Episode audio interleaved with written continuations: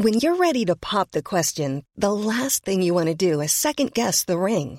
At Bluenile.com, you can design a one of a kind ring with the ease and convenience of shopping online. Choose your diamond and setting. When you find the one, you'll get it delivered right to your door. Go to Bluenile.com and use promo code LISTEN to get $50 off your purchase of $500 or more. That's code LISTEN at Bluenile.com for $50 off your purchase.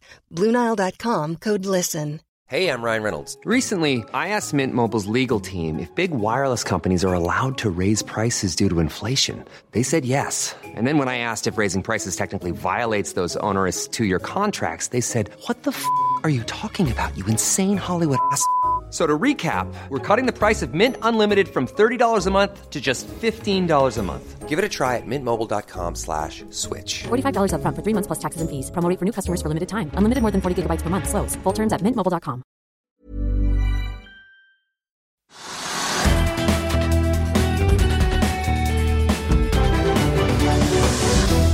God mandag og velkommen til Økonominyhetene. Det er blitt 7. mars, der Ukraina-krigen til Vladimir Putin ikke ser ut til å ha noen ende foreløpig, og det preger også selvfølgelig markedene kraftig. I dagens sending skal vi både se på det og gi deg dagens viktigste børsnyheter, og vi skal markere at det nå er gått to år siden hvert øyeblikk siden Norge stengte ned da Erna Solberg altså gikk på podiet. På Oslo Børs og i markedene er det jo fortsatt da energi som særlig preger det som skjer. Vi kan jo eksempel se på strømprisen her hjemme. Den når 6,5 kroner kilowattimen før påslag og avgifter på det meste i morgen tidlig. Med et dagsnytt i dag og i morgen på henholdsvis 2,33 og 2,58 kroner kilowattimen. Og vi ser også at energiprisene begynner å svi i USA. Bensinprisen der borte bikket i snitt 4 dollar per gallon søndag ettermiddag, ifølge USA Today, og det er første gangen på et tiår. Den prisen, eller snittet da, endte på 4 dollar og 0,009 søndag ettermiddag, og snuser dermed på rekorden på 4 dollar og 11 cent fra juli 2008. Her hjemme så er hovedindeksen på Oslo Børs nå ned 0,5% Vi var ned en prosent litt tidligere i dag, men indeksen svinger ganske mye. Og det skjer da etter en oppgang på 0,37% samlet sett forrige uke. Så ser vi også på noen andre nøkkeltall. Den Spotprisen på nordsjøolje er opp hele 10 nå i dag, til 122 dollar fatet. Den amerikanske rettoljen ligger opp snaue 10% til 118. Og Vi ser at markedene i Europa er ned, med unntak av Stockholm nå. og Futuresene på Wall Street peker også mot en negativ start når det amerikanske aksjemarkedet åpner om en times tid. Før vi kaster oss over børskursene, så må vi ta med at det har vært endringer i regjeringen i dag. Hadia Tajik rakk jo ikke å sitte lenger enn fra 14.10 til 4.3 som arbeids- og integreringsminister, da hun varslet at hun gikk av i kjølvannet av pendlerboligsakene. I helgen ble det også klart at hun trekker seg som nestleder i Arbeiderpartiet. Hennes mednestleder og fiskeriminister Bjørnar Skjæran steppet jo inn som arbeidsminister, men det vikariatet varte ikke lenge. I et ekstraordinært statsråd i dag så ble nemlig den nye arbeidsministeren utnevnt. Det blir Marte Mjøs Persen, og vi får bare gratulere med jobben. Og si det samme til en annen som nå skal ta plassen etter Mjøs Persen i Olje- og energidepartementet. Det blir nemlig mangeårig industri- og energipolitisk politiker for Arbeiderpartiet på Stortinget, Terje Aasland. SAS slapp trafikktallene sine i dag.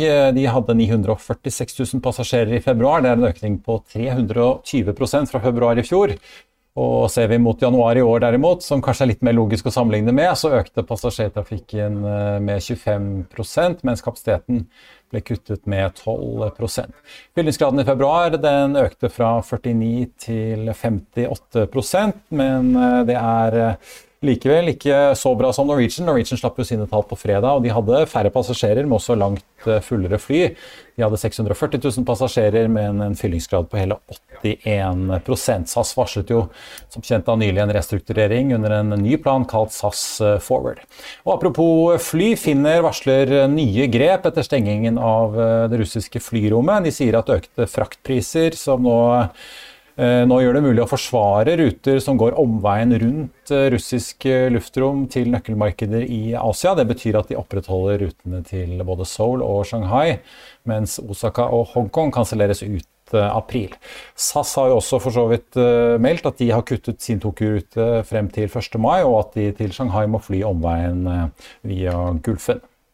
Men nå har jeg Anders eh, Pedersen Bjergård, redaksjonssjef i eh, Finansavisen. Og Anders, eh, bak det litt lille, hvis man sier lille fallet i hovedveksten, så er det ganske store utslag i dag. Skal vi begynne med lakseaksjene som, som faller etter en Ja, hvorfor faller de egentlig? Jo, lakseprisen er jo på rundt 81 kroner per kilo nå. Kjempehøy og god pris. Så oppdretterne fått store inntekter. Men det investorene frykter nå, det er økte, økte kostnader pga. at uh, fôr, uh, er opp 30 den seneste uken. Og det er en viktig ingrediens i laksefôret. Så det er kostnadene uh, investorene fokuserer på nå. Og så I tillegg så har du sånne sanksjoner i luftrommet over Russland. Og, og det medfører at det, på, på, de partiene som skal til Asia, at man får økte fraktkostnader. Også de volumene til, til, eh, Russland, eh, Ukraina og Hviterussland de er ganske små. Det er 3% av det globale volumet. Og i lakseprisen så er det allerede priset inn at man måtte slutte å eksportere til disse landene. Ja, Men det forkludrer jo da det viktige asiatiske markedene, som jo ja, gjør det mulig for Finnair å fly, men eh, det blir jo dyrt for uh, SalMar og Grieg og co. Ja, for det er jo en drivstoffregning som skal betales. Ja, så, så, det er en utfordring de må uh, jobbe med. Og så har du ørret. Uh, Lerøy f.eks. De har ganske store volumer til eh, Russland, eller Hviterussland og Ukraina, rundt 15% De får nok litt problemer måte, med å flytte volumene til andre, andre, markeder. Og trolig så må de kanskje betale en liten De må nok selge med en rabatt for å få flyttet volumene. Ja. Ja, vi ser jo, ja, ser Movi er ned 3,3 Det er ganske mye for en så stor aksje. Ja, og så bakka Frosk kraftig ned. Alle eh, lakseaksjene er ned. Ja. Du, vi må også snakke om en, et annet eh, teknologiselskap. De, mange av disse tekstselskapene har jo slitt, særlig de, de, små, men også litt sånn større som Kahoot. Eh, Mintra har vært i vind i dag, e-læringsselskapet. Mintra ja. de gikk jo på børs til 8 kroner, og Pareto spådde kursen og var det oppe i 16 kroner. Det var liksom, det var ordentlig eufori rundt, på, ja. rundt, noteringen, men uh, det har jo utviklet seg veldig negativt. Aksjen har, har, falt og falt, og det har kommet med negative resultatvarsler. Uh, veksten har vært veldig svak, det er derfor de har blitt straffet. Og så har man hatt en storeier som heter Riverside, som er et private equity-fond. Og når du har et private equity-fond som har vært med siden var det, er det 2014, så veit jo alle de har lyst til å selge. De må bare vente på timing. Og så har kursen bare falt og falt og falt. Og falt. Og så plutselig i dag tidlig så kom det en melding om at eh, Riverside har solgt eh, alle aksjene sine. Det utgjør 38,25% til Ferd og et nei, færøysk selskap som heter Tjaldur. Ja. Eh, Johan O. Andresen er på farten? Ja, han er på, han er på kjøperen. Så det er litt interessant, fordi kursen er på 2,74 kroner nå. Ferd kjøpte på 3,75. Og er det én ting Ferd er god på, så er det å regne. Så, så, så, så, spørsmålet er hva er det de ser i Mintra, som ikke markedet ser? Ja. En konkurrent til Kahoot, eller litt på eh, siden? Litt på siden. Ja. De, på måte, de, skal prøve å komme inn mot olje er, måte, De er veldig sånn, tunge med, inn mot e-læring i oljesektoren. Så kanskje, kanskje Ferd ser, ser, muligheter der. At oljeselskapene og oljeservice skal begynne å bruke mer penger. Hvem veit? Aksjen prises jo til sånn EBDA på syv ganger nå, litt over det, på 2021-tall. 2021 det er ganske lavt for å være software. Vi må ta litt kort om markedet generelt. Altså, store svingninger. Equinor var jo opp eh, nesten 8 eh, på det meste i dag. Aker BP også veldig mye opp. Vår Energi gjør det bra. DNO ikke så mye. Så ser vi andre som sliter veldig med all den usikkerheten og økte, økte energipriser. Yara var ned nesten 4 i dag. Ja, Fellesnevneren er at veldig mange av de aksjene som faller mye, det er ofte sånn, det er vekst, vekstaksjer. En veldig stor overvekt av vekstaksjer som får juling i dag. Autostore var vel ned 8% tror jeg. Det er, det er tunge, tunge, fall. Så vi ta med Apropos oljeservice, TGS og Subsea 7 er de to største bidragsyterne til uh, oppdrift i hovedindeksen i dag. Kanskje man skal, uh, kanskje man skal satse på Kanskje 2022 blir olje... oljeservice-bransjens comeback-år. Vi får se. Før vi går videre i sendingen, husk at du også kan se sendingene våre ved å gå inn på fano-tv, og at vi også har andre podkaster enn bare Økonominyhetene, som Morgenkaffen, Gründerpodkasten Veien hit, Ukens vintips, Kunstpraten og bilpodkasten Mil etter mil. De finner du ved å søke Finansavisen, der du hører på podkast. Vi skal straks eh, ta inn dagens første gjest, men først skal vi se på et uh, litt spesielt aspekt ved denne konflikten i Øst-Europa. og Det er den økonomiske krigen som nå utspiller seg, der oligarkene har blitt utpekt uh, som et eget mål. Og et nytt uh, britisk lovforslag kan fryse eiendelene deres. Bare se her. The UK has sanctioned more than 100 Russian individuals, including at least 11 of the nation's wealthiest, after Moscow's invasion of Ukraine. The government also under mounting pressure to uh, sanction Roman Abramovich, the billionaire who owns London's Chelsea Football Club. He's now selling the club as well as other properties he owns in London. Let's get more of Bloomberg's Tom McKenzie, who is outside of the Chelsea Football Stadium. Tom, how aggressively has the UK gone after the Russian oligarchs? Well, Matt, quite simply, the critics will say not aggressively enough. And the reason we're outside Chelsea Football Club is because, as you say, it's owned by Roman Abramovich, who is really emblematic here in the UK of the Russian money that's embedded itself in the economy and arguably as well political influence. Now, he has not been sanctioned, but he is looking to sell some of his properties here and, of course, the football club with a valuation of about £3 billion. Now, the UK economy or the UK government says they are stepping up their game. They're putting forward an economic crime bill to members of parliament today that would put in place a register that would enforce the owners of these assets, largely property across the UK, to have their real identities rather than hiding behind shell companies. And it's going to go back, it's going to reach back 20 years. So, real implications from that. They're also setting up an oligarch task force, and the Home Secretary says she wants to be able to mirror the sanctions that we're seeing in Europe and the US. But we have 11 oligarchs who have been hit by sanctions here, assets frozen, travel bans. That is not nearly as many as have been hit in Europe and the US. The UK government saying this crime bill, if it gets through the Houses of Parliament later today, will give them the tools and the legal framework that they need to be able to go more aggressively and really start to unwind the money that is flooding into the system here in the UK.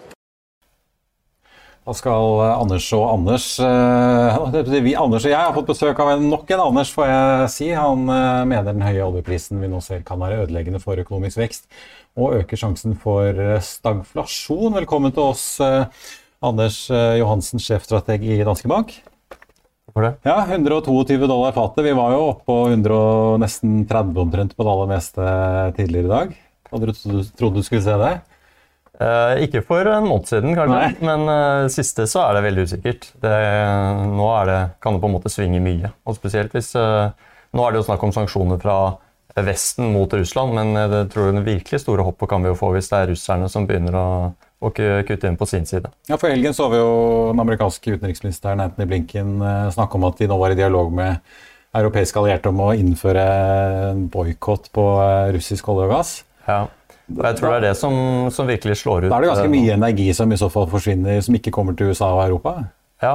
Jeg tror eh, Det man har snakket om nå, er vel primært olje i første omgang. Eh, og russerne produserer jo 10% drøyt av totale forbruket, men eksporterer rundt 4 millioner fat.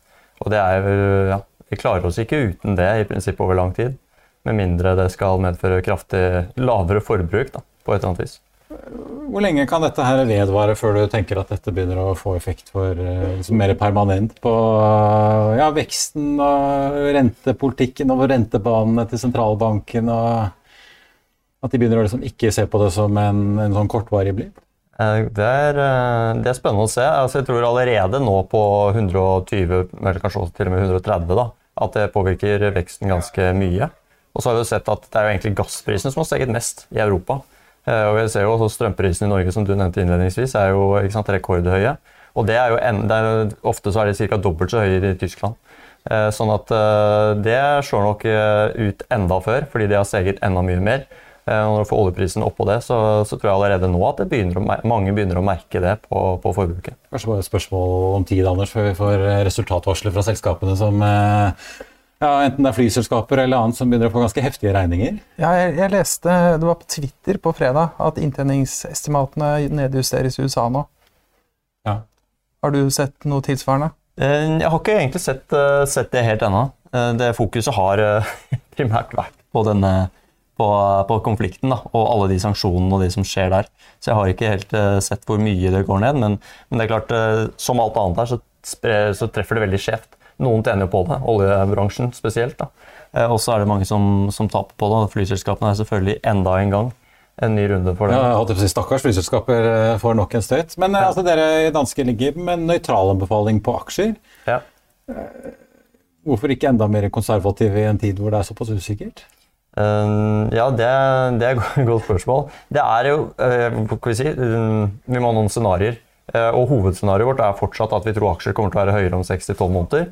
Men utfallsrommet er jo større nå enn, enn noen gang tidligere. Uh, og kan si at Best case er jo at vi, vi, våkner en morgen og så har de funnet ut at kanskje at de har erstattet Putin. Da, er det klart at da vil jo mye bli bedre. Det blir i hvert fall ikke dårligere. Og så går det jo motsatt vei. Hvis det plutselig skulle være sånn at Putin, Worst case er at Putin bruker, begynner å bruke da, eksporten av olje og gass som, en, uh, som et pressemiddel. Men foreløpig har han jo ikke trengt det. Vi begynner å snakke om sanksjoner på egen hånd. Og, og bare det at oljeprisene er så høye som de er, det er jo det tror jeg gjør jobben for han enklere. sånn sett. Ja. Hvis, en, hvis du våkner opp en dag, og så er Putin borte, hvor mye tror du aksjemarkedet vil stige da? Eh, jeg tipper det vil stige Det bør jo gå tilbake igjen til, til rundt der hvor det var før krisen. da. Uh, og det er faktisk ikke så veldig stor forskjell, egentlig. fordi det, hadde jo falt allerede før krisen begynte. Og uh, nå har det falt litt den siste uken. Men før det, altså de første to dagene, så steg jo faktisk aksjemarkedet litt. Grann, fordi vi hadde denne usikkerheten rundt inflasjon og de tingene der. Men at vi stiger på det, uh, det tror jeg er ganske klart. Og oljeprisen vil falle ganske mye, da. For der er det en, jeg vet ikke, men si 20-30-40 dollar risikopremie, akkurat sånn som det er nå. Men den altså, du nevnte jo det med altså, Du har jo sagt at liksom, da, hvis energiprisene blir så høye som de er, så kan det gi økt fare for stagflasjon. Altså mm. både prisvekst og uh, avtagende økonomisk uh, vekst. Hvor ille er det egentlig? Hvor ille stagflasjon er? Ja. Nei, Det er klart det, vil jo være svært ubehagelig, det. fordi Normalt så er det jo sånn at sentralbankene i hvert fall det de drømmen deres er jo at de bremser inflasjonen fordi det går så bra i økonomien. Uh, her så sitter man i en situasjon hvor, det, hvor de ser på høy inflasjon, men kan ikke gjøre noe med den fordi det går dårlig i økonomien. Og du ser økende arbeidsløshet og de tingene der. Så det, det, er noe vi ikke har sett egentlig siden 70-tallet. De vi har en litt sånn catch 22 eh, Det er definitivt ja. en catch 22 for eh, sentralbanken. Og det er klart, neste uke, eller denne uken allerede, på torsdag, er jo sentralbankmøte i ECB. Og neste uke, da, tirsdag og onsdag, så er det jo Fed, og det har vi ventet på lenge. Det, jo, det, var jo slutten av januar, det var forrige møte. Og de har mye de skal snakke om denne gangen. De skal både komme med disse dot-plotsene, som forteller hva de tror fremover. Men i altså tillegg, deres, deres, versjon av rentebanen? Ja, det er deres, ja, mm. riktig. og Den kommer bare kvartalsvis. Desember sist, og det har skjedd enormt mye siden det. Så det kommer. I tillegg skal du snakke om hva tror de om renten fremover. Og så skal du begynne å diskutere dette med disse kvantitative tightening eller tilstramning, nedsalg av operasjoner. De har sagt at det ikke kommer til å komme noe endelig på det, men jeg tror eh, alle måtte vente på, på litt mer informasjon om de tingene. Så det blir et uh, spennende møte. Men eh, ja, litt apropos, altså hvis vi får eh, stagflasjon, da, hva, hva, gjør, hva skal man sitte i da? Egentlig? Nei, da er det de. Er det liksom bare rentepapirer som er. Nei, egentlig ikke. Rentepapirer er jo den uheldige situasjonen at de har jo dårligere betalt fordi de, rentene er lave, men de mister kjøpekraft. da. Sånn at det beste da, i hvert fall historisk, har jo vært type råvarer og olje og den type ting da, som har gjort det best i en sånn type scenario. At man må gå inn i ja, en, ganske dyr Equinor-aksje eller Vår Energi eller alle disse her? Ja, det er jo, det er jo litt sånn, dessverre. Ja. Mm. Oljeaksjene går jo som bare juling nå. Hvor mye, hvor mye sånn rabatt priser man inn, tror du, på oljeaksjene?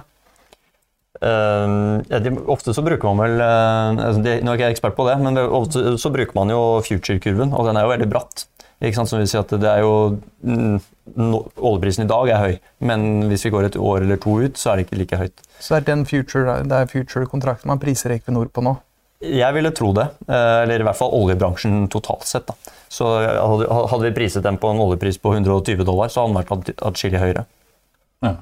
Men altså disse energiprisene vi ser der, hvor hvor liksom reell effekt har de på inflasjonen nå? da? Er mye av effekten tatt ut, eller det, kan de liksom endre kalkylene enda mer? Litt apropos det, hva skal man kalle det, dotkartet til, til Federal Reserve når det kommer? Jeg tror at uh, i en kall det normalsituasjon hvis vi, Det er vanskelig å snakke om normalsituasjon, men hvis vi ikke hadde hatt inflasjonsproblematikken i forkant, så tror jeg det ikke har noe problem å se gjennom dette. her, fordi Normalt så ser man høyere råvarepriser på den måten. Det ser man igjennom som sentralbank. De fokuserer på kjerneinflasjon. Men nå hadde de jo allerede dette problemet, og det som jo ofte skjer når oljeprisen blir høy og værende høy, er at det tar tid, men så kommer smitteeffekter, og det kommer på en måte Det renner over alle mulige deler av næringslivet. Nettopp, det renner på en måte nedover. Så hvis det går fort opp og fort ned, så er det ikke noe stort problem. Men i det øyeblikket det blir, uh, kommer høyt opp og blir værende, så vil jo folk etter hvert måtte sette opp prisene sine. Og der er vi jo allerede, for vi har allerede slitt med dette et halvt år, og vi slet med det før krigen. Sånn at derfor så uh, er det nå et, Jeg vil jo tro at det er et stort problem for dem, og noe de diskuterer i veldig stor grad. Hva gjør, hva gjør vi med det? Tror du uh, den midlertidige sentralbanksjefen her hjemme i Davon Bakke er nødt til å stramme til enda mer år? eller? Ja, Norge er jo den heldige situasjonen da, at vi har på en måte begynt jobben. Jeg synes Norges Bank har gjort en veldig god jobb. De har vært mye mer forutsigbare enn det Fed har vært, som jo har kastet seg i både en og andre retning. Så, så de vil jeg tro prøver å fortsette å være der de er, forutsigbare og tydelige på det. Uh, mens uh, de andre har jo et større problem, og kanskje aller mest ECB, som jo allerede hadde begynt å snakke om at kanskje må vi sette opp renten i slutten av året. Eller de hadde ikke sagt det, men de hadde ikke utelukket det. Og det var den store endringen tidligere i år. Uh, og så får de nå da disse enormt høye gassprisene spesielt, som, som er et problem, og som dreper vekst. Da. så de sitter virkelig i et problem nå. Men av regioner så er det overvekt Asia. Ja. ja. Hva ser dere der? Ja, Da regner dere da som fremvoksende markeder? Ja, ja fremvoksende markeder, og, og, spesielt Asia. og Det er jo litt også fordi vi vil jo ikke være i Europa og i Øst-Europa. Eh, men eh, nei, det, den er vel litt sånn at det er den minst skitne skjorten akkurat nå. Eh, Asia, eller Kina hadde en veldig dårlig år i fjor med lav vekst og mye ønsket. De strammet jo til, og spesielt innenfor boligmarkedet. Og så har de nå da De har jo et valg, eller ikke valg, de har møte i kongressmøte i i partiet i oktober. Og da pleier de å gi litt gass inn mot det. Og det har de allerede begynt med. og De har varslet i helgen en vekst på at de sikter mot 5,5% og det er faktisk høyere enn i fjor. Så mot alle de andre som på en måte hadde høy vekst i fjor og er på vei nedover, så er Kina, da, som jo er en tredjedel av, eh, av eh, emerging markets, og enda mer av Asia, selvfølgelig, de, de, har faktisk høyere vekst i år enn i fjor. Ja. Hvordan er det med Norge? Hva er markedssynet deres her? Vi er nøytrale på Norge og Norden, eller nøytral vekt? Ja, vi har ikke noe eget syn på, på Norden sånn sett. Så det, det, har jeg ikke noe godt svar på. Ja. Vi får uh, se, men i hvert fall, ja, kanskje det er Asia man skulle sittet i 2022 for å få litt ekstra fart. Kan bli spennende. Ja. Mm. Anders Johansen i Danske Bank, tusen takk skal du ha for at du kom til oss. Vi skal eh, straks ønske gjest, eh, gjest nummer tre og fire velkommen her til oss. Men eh, før vi skal videre, så skal vi innom en gammel kjenning på norsk sokkel, som nå har endret litt strategi. For nå klokken fire legger nemlig Lundin Energy frem fremtidsplanene sine for fornybarsatsingen. De skal drive på med etter at de gifter oljevirksomheten sin bort til Aker og Aker BP. Påtroppende konsernsjef Daniel Fitzgerald blir sittende med et foreløpig gjeldfritt selskap, 130 millioner dollar på bok et vannkraftverk eh, i Leikanger samt eh, to vindparker i Sverige og Finland. Og mot slutten av 2023 skal alle disse anleggene være i drift og generere inntekter. Planen deres er å skaffe mer kapital for å kaste over muligheter som nå byr seg i hele Europa i fornybarområdet. Og her snakker han litt om bildet de nå ser. When you look at the near term and longer term, I guess, action needed to get off Russian gas and oil, what kind of timeline are we looking at? I think it's going to be a long timeline to really change the power market in Europe. Today, today we're, we're dependent on fossil fuels and nuclear to, to drive most of the baseload generation, and the technology to deliver renewable power and to store it both in the short and long term is, is not here today. But the investment is going to grow significantly across Europe in the next 10, 20, 30 years to, to build out all of the different technologies. So, if you, how, when, and how can Europe actually become dependent on its own energy? If you're talking a timeline of 10, 20, 30 years, that's a very long way off. How should we deal with Russian oil and gas in the medium term? I think it's it's a difficult question, and and it's although it's a terrible situation in Ukraine, it does bring to the fore the the question around security of energy supply in Europe if I look at the renewables, the pace of investment in renewables, it has to increase significantly because that's one of the the areas where Europe can become more self-sufficient. And so I think with our company, we're positioned to grow in the Nordics. The Nordics has got a significant pipeline of, of opportunities and growth, and, and we see that across Europe. The broader discussion around Russian gas, I think, is is something that'll that'll be completely different to our company but it certainly it certainly brings us to the fore in, in this position where you do have security of supply issues across Europe. So, are you expecting some projects to be sped up, and by how much? I think in Europe you're going to see the legislation change a little bit more to to be more amenable to, to development in renewables and and so in the core areas where where you have the high demand, you have to see you have to see the, the regulation change to allow the permitting and the, the, the support for renewables grow. And I think that's where we're we're strongly positioned. This this company comes out after after we merge the oil and gas assets with Aker BP we end up with three high quality assets in some of the best priced yeah. regions in the Nordics. And we come out with no no debt and, and significant cash flow from the business. And so our, our view is to help Europe through that transition in, in a small way by continuing to invest in, in both established and emerging technologies to, to generate more renewable power. Mr. Fitzgerald, when you look at some of the gas prices, I mean, here in the UK, they are soaring. In Europe, even more, given the dependency to Russia. I mean, how much chaos actually will we see in energy markets in the next couple of weeks and months, and how will that feed through some of the operations? Yeah, I think I think you're you're set for a for a fairly turbulent time. While while you have CO2 pricing, we shouldn't forget that CO2 pricing growing in Europe underinvestment in oil and gas, the Russia situation, and a lack of gas in Europe, you have a market that's going to be high in power price. And, and that's going to, to stay in Europe with some of the structural changes that are coming.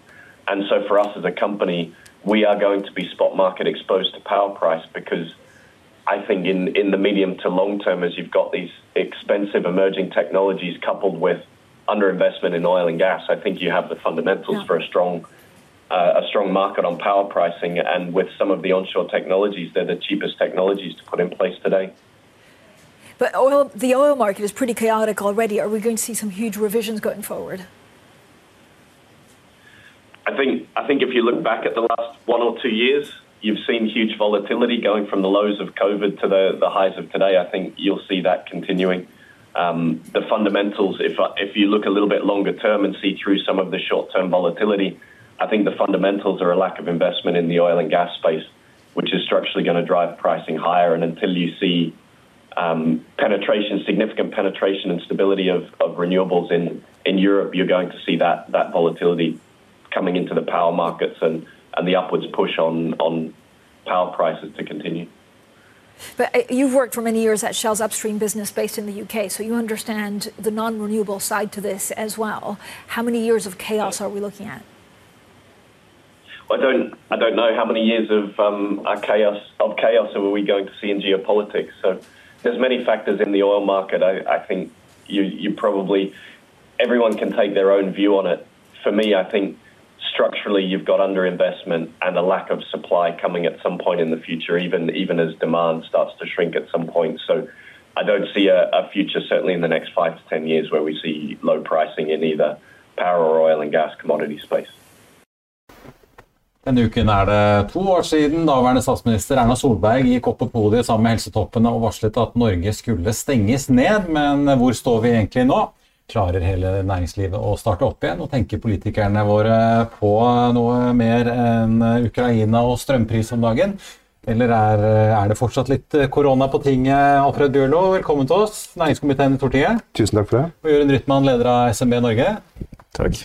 Så begynner vi da. På Stortinget, da, hvordan er det Dere har jo behandlet eh, voldsomt mange krisepakker og tiltak eh, de siste par årene. Du kom inn på tinget nå i, etter valget i høst. Ikke Gratulerer med plass, eh, for så vidt. Men ja, hvordan er liksom mentaliteten på Stortinget da? Nei, det er jo som du sier, altså, det har jo vært krise på krise i disse månedene her. Og det er ikke tvil om at før jul så kom jo på toppen av koronaen kom jo strømkrisa, ikke sant? og slo inn for, eh, for mange bedrifter.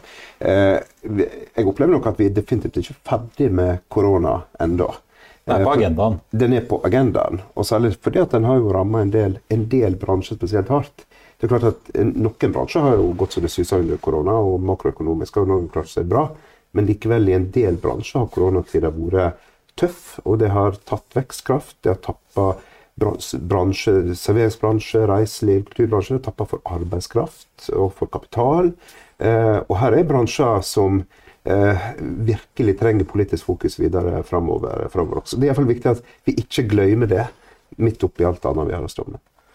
Jørund, eh, du var jo her i høst, da snakket vi om eh, rekonstruksjonsloven og konkurser. Eh, nå ser vi jo på de siste tallene fra denne Bradstreet at i hvert fall så langt i år så er konkursene opp 23,5% mot samme periode i fjor. og i hvert fall disse kredittbyråene sier jo at det er jo da eh, altså Antall bedrifter som går konkurs og blir avviklet altså Økningen kommer jo av at det er myndighetene som eh, nå kommer inn og begynner å kreve inn og, og begjære konkurs hvis ikke de får betalt skatter og avgifter. Hvordan oppleves det egentlig nå for de små og mellomstore bedriftene i Norge? Ja, det er litt sånn uh, todelt. som som nevnt her. Det er jo Totalt for næringslivet så er det jo uh, mye positivt. Men for de som er blitt rammet av det, altså typisk kultur og servering og, og, reiseliv, så er det jo veldig hardt. Ja, men er, det, er, liksom, er det de tre sektorene der som er Ja, det er jo mange unntak òg. Men, men, men, selvfølgelig, nå kommer også strømregningene, da. Som, blant annet, hvis du har gått dypt ned i tallene, så er det jo faktisk industrisektoren òg. Som typisk har vært en konkurransefordel for norsk næringsliv som nå kommer til å merke det. Eh, og eh, ja, serveringsbransjen har vært hardt rammet under korona totalt sett. Nå får en eh, ja, pizzasjappa på hjørnet bruker mye strøm på pizzaen. Mm. De får liksom dobbeltdipp dip i negativ forstand. Så det de, de, trenger nok en, uten tvil en restartspakke nå, og, og drahjelp. for det er jo kompetanseflukt, og det er mye mange, Jeg har hørt mange, mange bedriftsledere på gråten på telefonen min Eh, og mine kollegaer. Eh, så, så, her eh, må vi ikke glemme de. Og, så jeg håper jo at staten kan være drahjelp på det, og ikke minst de i skatteetaten. Altså der mener jeg at det er jo faktisk staten som nå slår dem konkurs, selv om det er en levedyktig bedrift har lyst til å gjøre opp for seg og overleve. Ikke bare stenge ned og restarte, eller kanskje bli borte fra næringen. Da. Men kan vi, Nå inviterer du og dere i SMB Norge til konferanse på fredag for å nettopp markere at det er gått uh, to år siden. og og uh, Alfred, du skal jo på podiet og delta i, mm. i debatt, men ja, altså strømkrisen er jo en annen krise enn en, en pandemi. Er, liksom, kan man anse at koronapandemien i det store og det hele da er ferdig for næringslivet? Ja, eller det sa man for et år siden òg. Eller man trodde i hvert fall det. Ja, da trodde vi jo det. ja, ja. Så, så, det er jo eh, vår, vår, vår konferanse til fredag, da, på, eh, hvor vi har en to, toårsmarkering. Hvor vi inviterer til fri debatt av spennende foredragsholdere og, og politisk debatt. Eh, så, så var det sånn, hva, vi, hva, kan vi lære av det? Det er mange av våre bilister som føler seg rettsløse. Eh, det må vi se hvordan kan vi unngå det. og Hvordan eh, myndighetene plutselig stengte ned. Bl.a. denne skjenkeforbudet i, i desember da, som vi reagerte på, som viste at det var Vi mener fortsatt at det var ikke noe forholdsmessighet rundt det. Det mener vedtaket var ulovlig. Men det er nok mye annet også som vi ikke har innsyn i, men som vi bør bore litt i. Og så er det selvfølgelig hvordan, andre delen, hvordan kan vi restarte og hjelpe flest mulig nå. Eh, og det er jo mange punkter der. Eh, Venstre har jo fremmet et representantforslag på det, som nå er til behandling i Stortinget. Men, men, eh, men jeg mener jo det er veldig, jeg tror det er sam, tverrpolitisk enighet om at man bør redde de som er levedyktige. Mm. Men det vi ser som største problem nå, er jo at det er en saksbehandler i skatteetaten som har et firkantet formular til å forholde seg til. Mm. Og hvis de er mer enn 50% av kreditorene, så kan de Nei, men da skal denne selskapet gå konkurs. Eh, selv om samfunnsøkonomisk og liksom alle er enige at det burde jo eh, overleve. Eh, jeg, har jo, jeg vet om flere eksempler hvor bedriftslederen har vært innlagt på sykehus med korona, og det har gått over noen frist, betalingsfrister, og da er den plutselig mm. da er game over. Så ille er det, og så trist. Mye, mye, sånn opprydning og ikke minst kanskje evaluering av hvordan man skal utforme disse regelverkene, som jo mange av dem ble jo utformet i hu og hast uh, i 2020 og liksom modifisert litt underveis? Ja, det, det, er jo det, altså. Eh, og, og som Jørund òg sier, altså, særlig i serveringsbransjen og reiseliv, så har det vært kanskje kontinuerlig krisehåndtering i to år. Og det har kommet banker på med nye regler og nye på ekstremt kort varsel, som de hiver seg rundt og tilpasser. Opplever at eh, arbeidskraft må permitteres, hentes tilbake, permitteres på nytt, ut og inn. Som gjør òg at eh, veldig mange bedrifter forteller oss at nå er det faktisk et stadig større problem å få tak i arbeidskraft i serveringsbransjen. Mange arbeidsinnvandrere har jo dratt hjem? En del arbeidsinnvandrere har dratt hjem, og andre har søkt til andre bransjer, fordi det er lei av å være i en bransje der du aldri vet om neste måned forsvinner ut eller ikke. ikke sant? Så, altså, så Derfor trenger vi det her, um, som Jørund òg sier, altså et boost for å få i gang en startpakke for disse, disse næringene. Uh, vi har fra Venstres side lagt fram en politikkpakke med forslag på det på Stortinget nå, som forhåpentligvis snart vil bli behandla av Stortinget. Men der handler det jo om å både komme med stimuleringspakker, men òg dette som vi snakker om her med um, at ikke skatteetaten og offentlige etater er de som slår bedriftene konkurs. Nå må vi faktisk på, fra politisk hold gi klar beskjed om at vi må ha en viss smidighet og fleksibilitet når det gjelder skatte- og avgiftskrav. Også på skatte- og avgiftskrav fra tidligere i pandemien, som nå skal betales inn. Ellers kan du få et konkursras hos ellers levedyktige bedrifter. Ja, Men på et eller annet tidspunkt må jo staten skjære gjennom og si at nå er pandemien over, og nå må dere gjøre opp? Og det tror jeg vi alle er enig i. Eh, men må ikke glemme at det er eh, myndighetene som eh, kommer med disse forbud og påbud og restriksjonene. Så, så, det er jo kort fortalt, våre bedrifter har følt seg rettsløse, siden de kunne ikke ta igjen, eller de kunne ha sivil ulydighet, og noen som gjorde det også, og faktisk engasjerte advokat, og viste at å, ja, nei, det var det hadde Politiet stengte en bowlinghall, liksom. Å, ja, var, de hadde ikke mulighet til det, egentlig. eller da de gjorde det. Blir det sånn, opp, blir det sånn oppgjør mellom helsekomiteen og næringskomiteen på Stortinget, med hvem som skal ha, liksom, hvem som skal ha siste ord i saken i fremtidige pandemier? For det er jo en avveining som har vært gjort veldig mange ganger av regjering og, og direktorater og mange andre. Absolutt, men, men, men det er jo en masse ting som har blitt håndtert og kommet ekstremt brått på, så vi er nødt å nå sette oss ned og diskutere skikkelig hvor vi vil ha det i neste runde. ikke sant? For særlig, altså Dette med serveringsbransjen ble jo brukt som den bransjen du alltid kunne skru av og stenge ned. Når myndighetene hadde behov for et eller annet tiltak, da var det enkelt å, det var det enkelt å gå løs på dem. Og er et nasjonalt skjenkeforbud et forholdsmessig tiltak. Det kan vel diplomatisk sagt diskuteres om det var rett å gjøre det, iallfall, og holde det så lenge. Ja, og da er det i praksis yrkes- og næringsforbud. ikke sant? Ja. Eh, og selv om kanskje man går, kan går liksom inn i veldig den debatten der, da, men, men, eh, er det kanskje noen som kanskje var flinke på med smittevern og alt sammen, så var det jo restauranter som kunne i verste fall risikere å miste skjenkebevillingen. Mm. Eh, en som da flytta problemet liksom Ja, da, men da ble det middagsselskaper i, i, i private hjem hvor det kanskje var ikke noe smittevern. Ikke så, det er jo, mm. og, og, så det er jo mm. Eh, så det i hvert fall skylder de bedriftene som har kanskje holdt på i 30 år, eh, men nå går konkurs fordi eh, av formaliteter. Mm. De bør reddes. Men, men, men, er det tyngre å liksom få oppmerksomhet? Når man skal drive politisk arbeid, så må man jo gjerne Det må jo være litt interesse, man må klare å mobilisere litt for å få ting vedtatt og få det gjennom. Mm. Er det tyngre nå når så mange kanskje føler at de er ferdig med pandemien og ja, vi har Ukraina-krisen og strømkrisen og andre ting som etter hvert begynner å ta opp eh, både samfunnsdebatt og mediebilder? Det er nok et poeng, altså. Det er, nok, eh, det er det. Vi er jo i en helt ekstrem situasjon med sagt det antallet store kriser som har balla på seg og kommet fullt nå. Det klart I forhold til Ukraina-krisen drukner jo det meste i viktighet, for så vidt. Men vi som er nær sagt eh, hverdagspolitikere på Stortinget, må jo òg evne å eh, se for det første at vi ikke er ferdig heller med koronakrisa, og for det andre nettopp det som eh, SMB Norge har vært flinke til å få fram, at nå må vi faktisk sette oss ned og evaluere hva er det vi har lært gjennom denne krisa, hva er det vi må unngå i neste runde, og hva litt sånn større debatter løfter dette også, om hvordan vi ser på eh, næringsliv og bedrift i en større sammenheng, og, og, og, og hva det betyr. Så jeg tenker Det er iallfall en jobb for oss som er politikere på Stortinget, å ikke miste fokus på de bedriftene og de arbeidsplassene det her er snakk om. Heller. Nå ble jo øh, strøm, øh, altså en slags strømkompensasjon mm. bakt inn litt i den øh, koronakompensasjonsordningen som har vært nå helt på tampen. Men hvor ille er den strømprisen som vi ser nå prege markedet for norsk næringsliv? Er det liksom sparkes noen som ligger nede? Ja, det kommer jo litt av selvfølgelig hvilken bransje man opererer i. Men, men uh, om det er energikrevende, med, mm. om det er eh, industri eller, eller pizza ja, Hvis du ikke er Norsk Hydro, da, men du driver et renseri eller ja, pizzasjapp, altså, hvor ille er det? Ja, det er, For noen så er det ekstremt ille. Altså, det jo, og noen er jo lavmarginsbransje. altså typ, mm. Serveringsbransjen er jo historisk sett alltid vært det. Det er ikke så store marginer.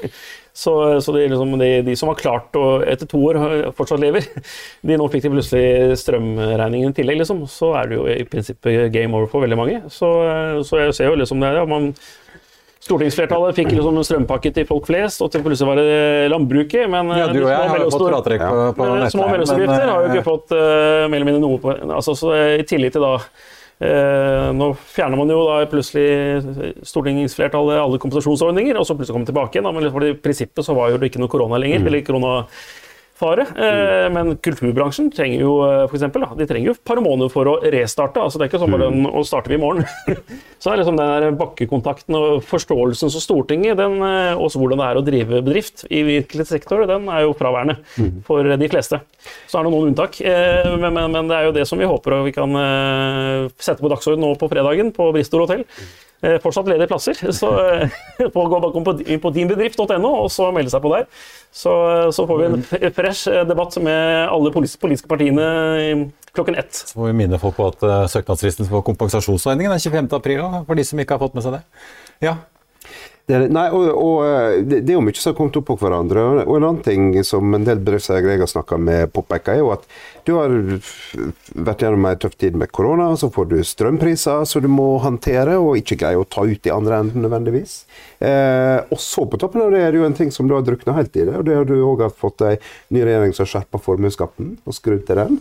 Slik at mange bedriftseiere nå har måttet ta ut, eh, ta ut utbytte fra bedrift for å betale formuesskatt. Så kommer det midt oppi alt dette. Så, eh, altså jeg snakker med fortvila småbedriftseiere. Sagbrukseieren fra Sogndal som opplever at strømregningene kommer dundrende, samtidig som han må ta ut kapital fra bedrifter for å betale økt formuesskatt.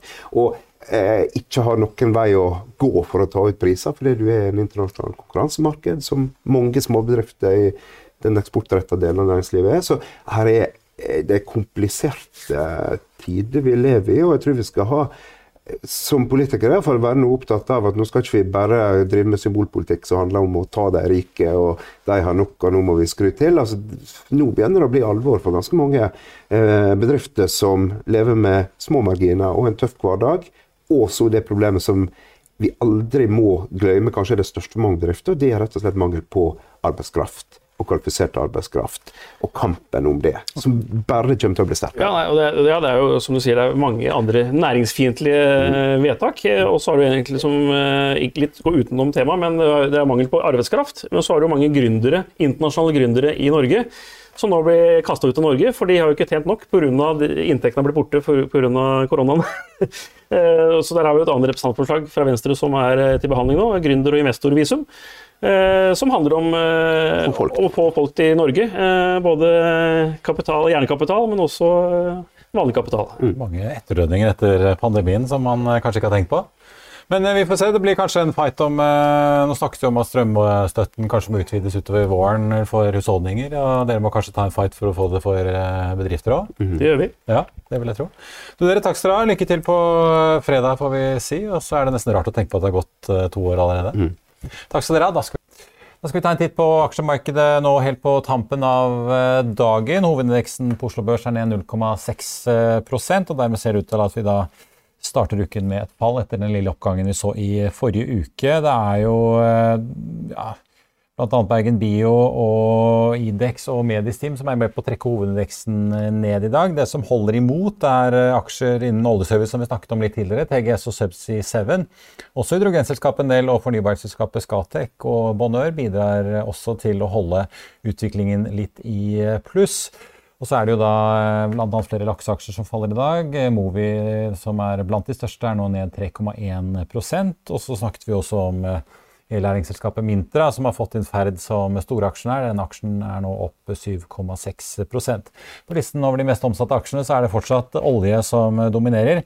Equinor opp nå 1,7 Aker BP opp 1 og dermed er mye av den oppgangen vi så tidligere i dag eh, visket vekk. Vår Energi opp 3,5% mens vi ser at eh, andre store aksjer på børsen ikke er like heldige. Yara ned 3,2% Storebrand sliter også, og vi har jo sett at eh, finansaksjene har blitt presset nå under Ukraina-invasjonen. Storbrann ned 3,1 og eh, så skal jeg se om DNB var her, men de er faktisk ikke på listen over de mest omsatte akkurat eh, nå.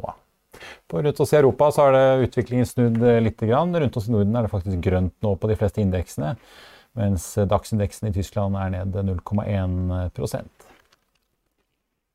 i Finansavisen i morgen kan du lese Trygve Hegnars leder om kvinnedagen, lønnsoppgjøret og LO-lederen som holder igjen. Du kan lese om City Group som tror oljen kan nå 150 dollar fatet. Du kan lese børsintervju med forvalter Audhild Aabe og mye, mye mer. Det var det vi hadde for i dag, men vi er tilbake i morgen klokken 14.30. I mellomtiden får du som alltid siste nytt på FA.no. Mitt navn er Marius Thorensen. Takk for at du så på, og så håper jeg vi ses igjen i morgen.